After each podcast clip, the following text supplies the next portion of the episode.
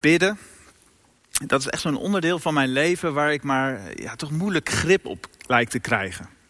Het voelt een beetje aan als, alsof ik uh, ga trainen voor een marathon. En mijn trainingsschema raakt steeds in de klad. Er vallen gaten. Het begint vaak met een, uh, ik, heb ik ga er weer voor moment.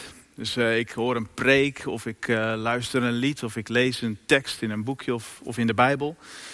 En dan heb ik weer nieuwe moed, ben ik weer enthousiast. Ik maak een plan, ik uh, koop een boekje en dan ga ik er weer voor. Maar langzaam, na een tijdje, dan, dan merk ik dat, dat die eerste gaten weer in dat trainingsschema vallen. En ja, het is niet dat ik helemaal stilval dan, dat ik niet ophoud met bidden. Maar dat eerste, ik ga ervoor, ja, dat is alweer een stuk minder. Misschien herken je je daarin. Of misschien, dat hoop ik eigenlijk, ben jij een hele gedisciplineerde bidder. En is het voor jou geen moeite om elke dag tijd te nemen om uh, te bidden. Of misschien ben je wel helemaal niet zo'n bidder. Zeg je, ja, ik, bidden dat is niet voor mij, ik ben een doener. We zouden elkaar eh, deze avond allerlei praktische tips kunnen geven van hoe zou je dat nou aan kunnen pakken, hè, bidden in je dagelijks leven.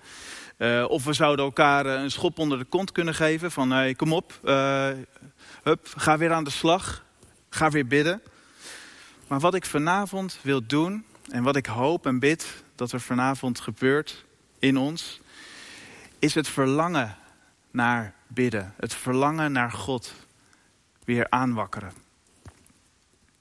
Want God, die verlangt ernaar om zijn hart te delen met hen die hun hart met God delen. Naar mensen die hun hart met God delen. Ik wil met jullie lezen uit Matthäus 6, vers 5 tot en met 13.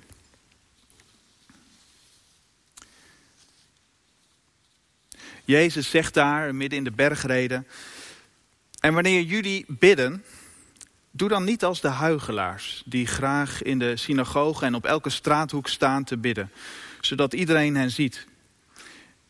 Ik verzeker jullie, zij hebben hun loon al ontvangen. Maar als jullie bidden, trek je dan in je huis terug. Sluit de deur en bid tot de Vader die in het verborgene is. En jullie Vader die in het verborgene ziet, zal je ervoor belonen. Bij het bidden moeten jullie niet eindeloos voortprevelen zoals de heidenen. Die denken dat ze door hun overvloed aan woorden verhoord zullen worden. Doe hen niet na. Jullie vader in de hemel, die weet immers wat jullie nodig hebben. Nog voor jullie het hem vragen. Bid daarom als volgt.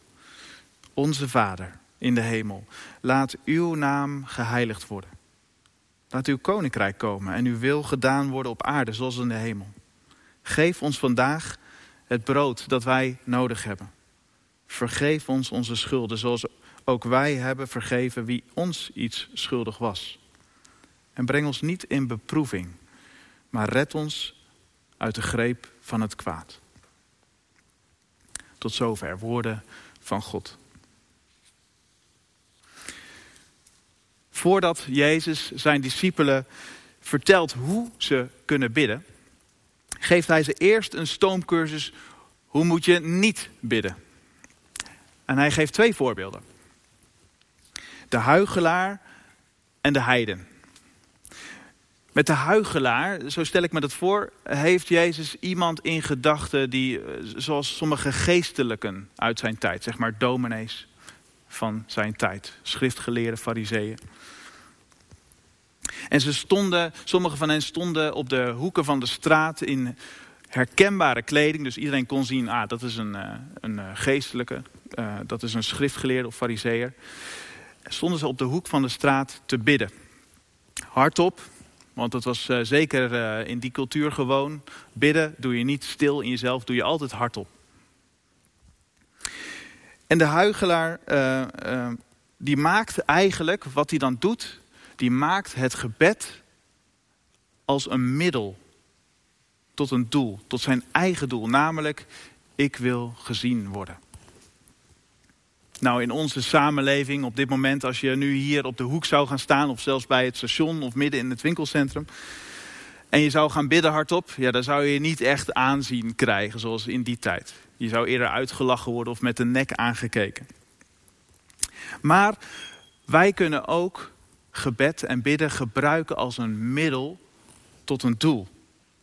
Het, het ligt namelijk op de loer als je bidt om dezelfde reden of, of gelijksoortige reden als mensen ook aan meditatie of yoga of mindfulness kunnen doen. Namelijk om innerlijke rust en stilte te vinden. En als je gebed op die manier gebruikt als middel, dan kom je daar snel genoeg achter als je bidt en je blijft in een onrustig gevoel zitten. Of je hebt helemaal niet die vrede gekregen die je graag had gewild. En je begint te twijfelen aan het nut van jouw bidden. En gebidden kan dan net als die huigelaar die Jezus als voorbeeld neemt, een middel worden. Voor een doel wat draait om jouzelf.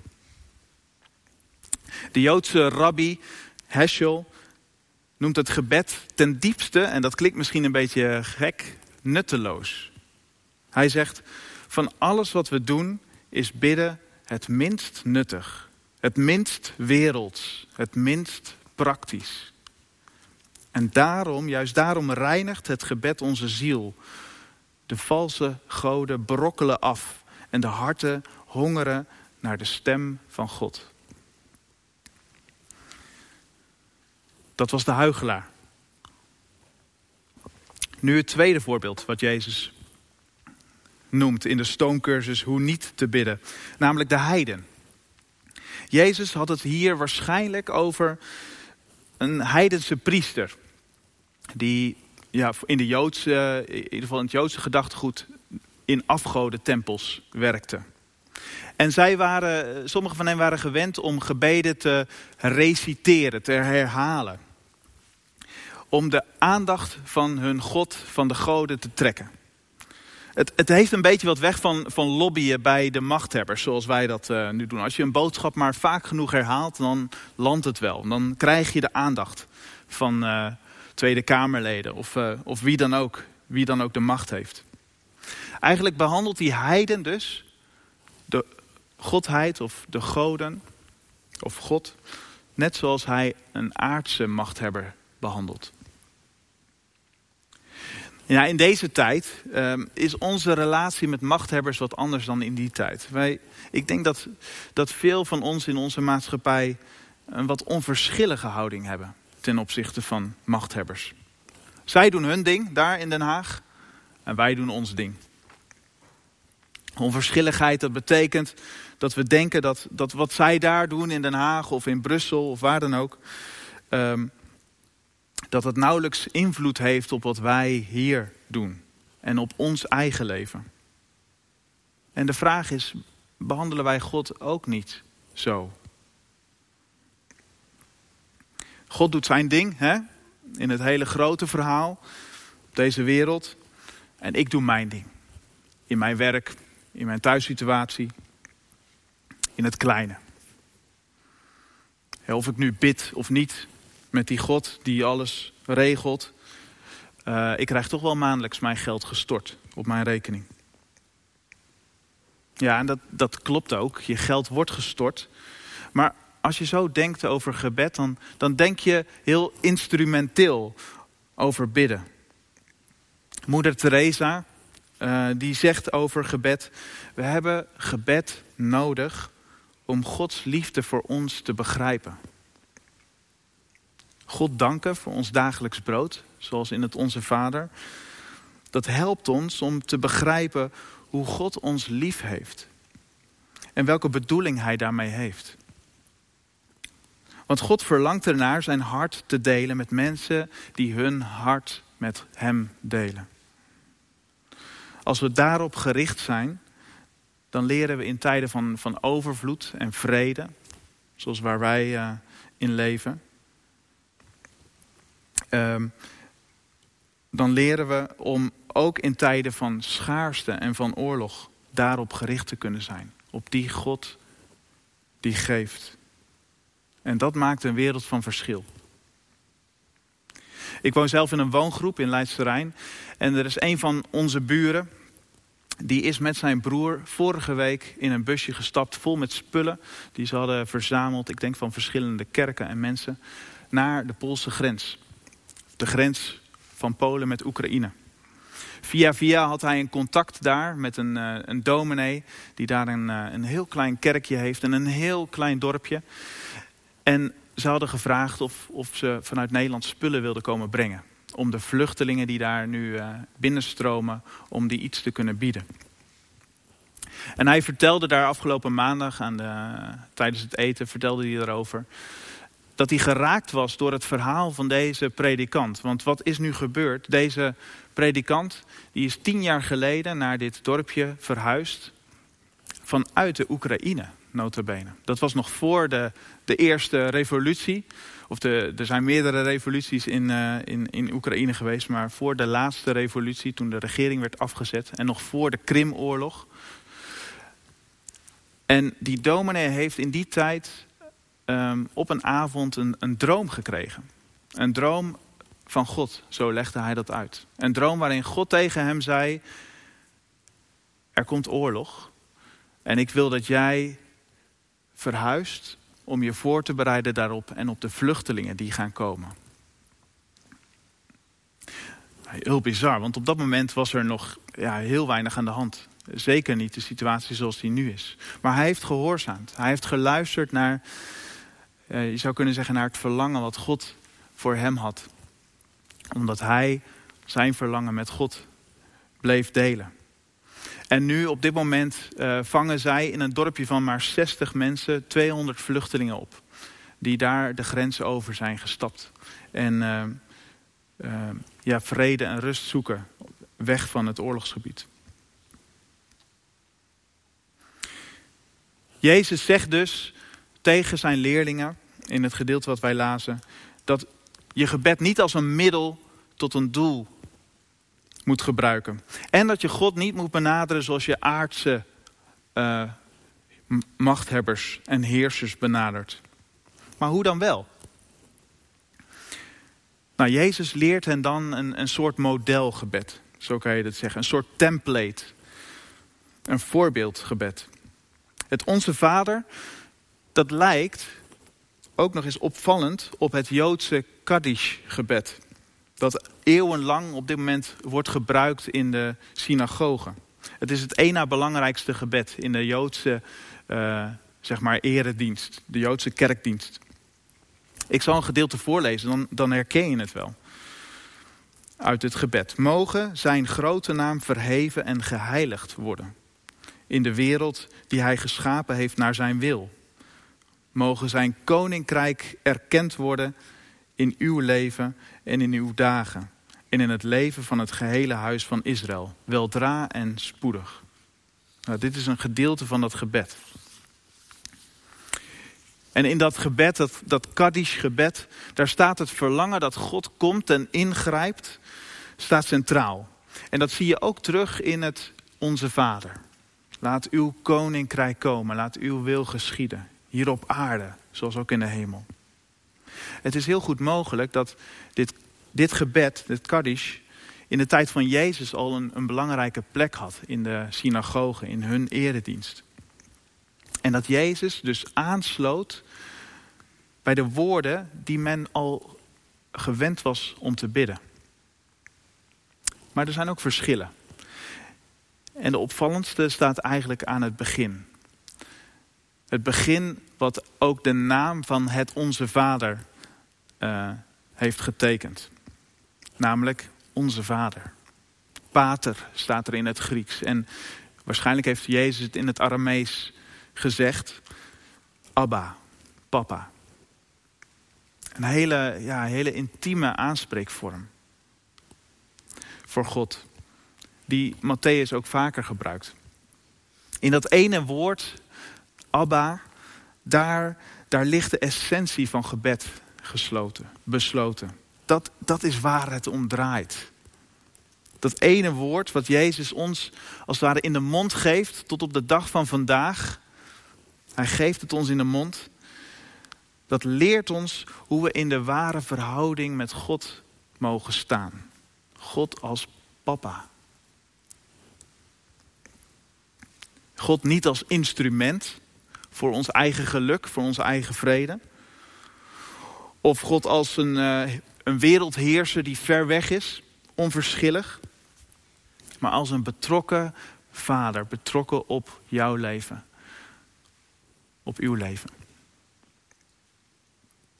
Een paar versen verder in Matthäus 7, vers 11, zegt Jezus dan ook: Als jullie dus, ook al zijn jullie slecht, je kinderen al goede gaven schenken, hoeveel te meer zal jullie Vader in de hemel dan het goede geven aan wie hem daarom vragen? God als goede, vrijgevige Vader. En hoezeer God ernaar heeft verlangd om ons aan zijn hart te drukken, ja, dat zien we in de ultieme zin aan het kruis. Als Jezus zichzelf geeft. Het, het voorhangsel, voorhangsel scheurt dan door midden en de weg wordt vrij om bij Hem te komen. Op elk moment van de dag.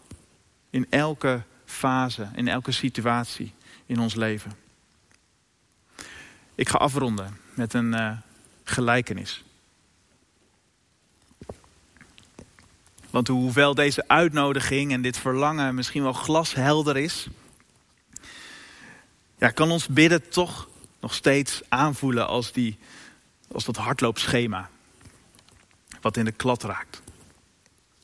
En de Joodse rabbi Israël Friedman, die in de begin van de 19e eeuw in Oekraïne woonde en leefde, die vertelde eens het volgende verhaal over de waarde van sleur.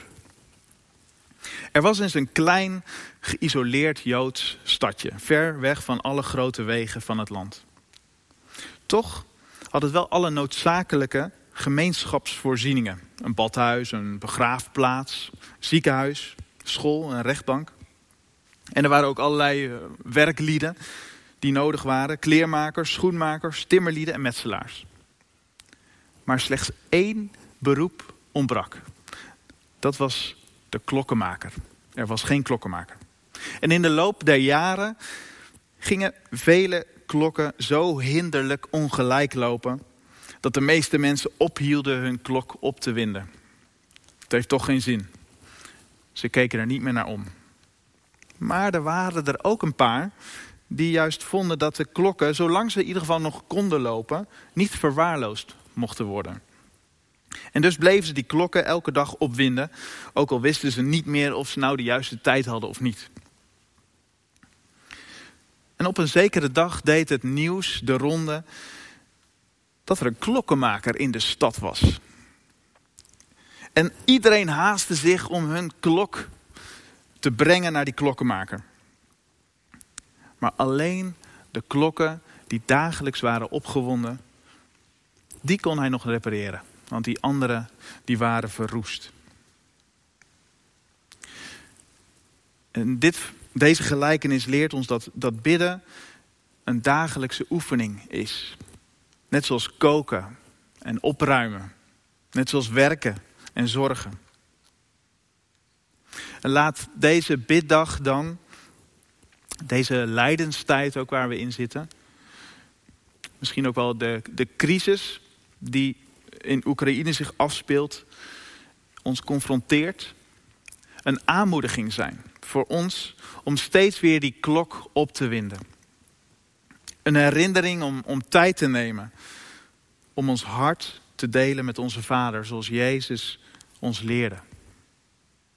Laten we onszelf door de geest die Jezus ons naliet, weer aanvuren om door gebed Gods liefde voor ons te leren begrijpen. Want God verlangt ernaar zijn hart te delen met mensen die hun hart delen met Hem. Amen.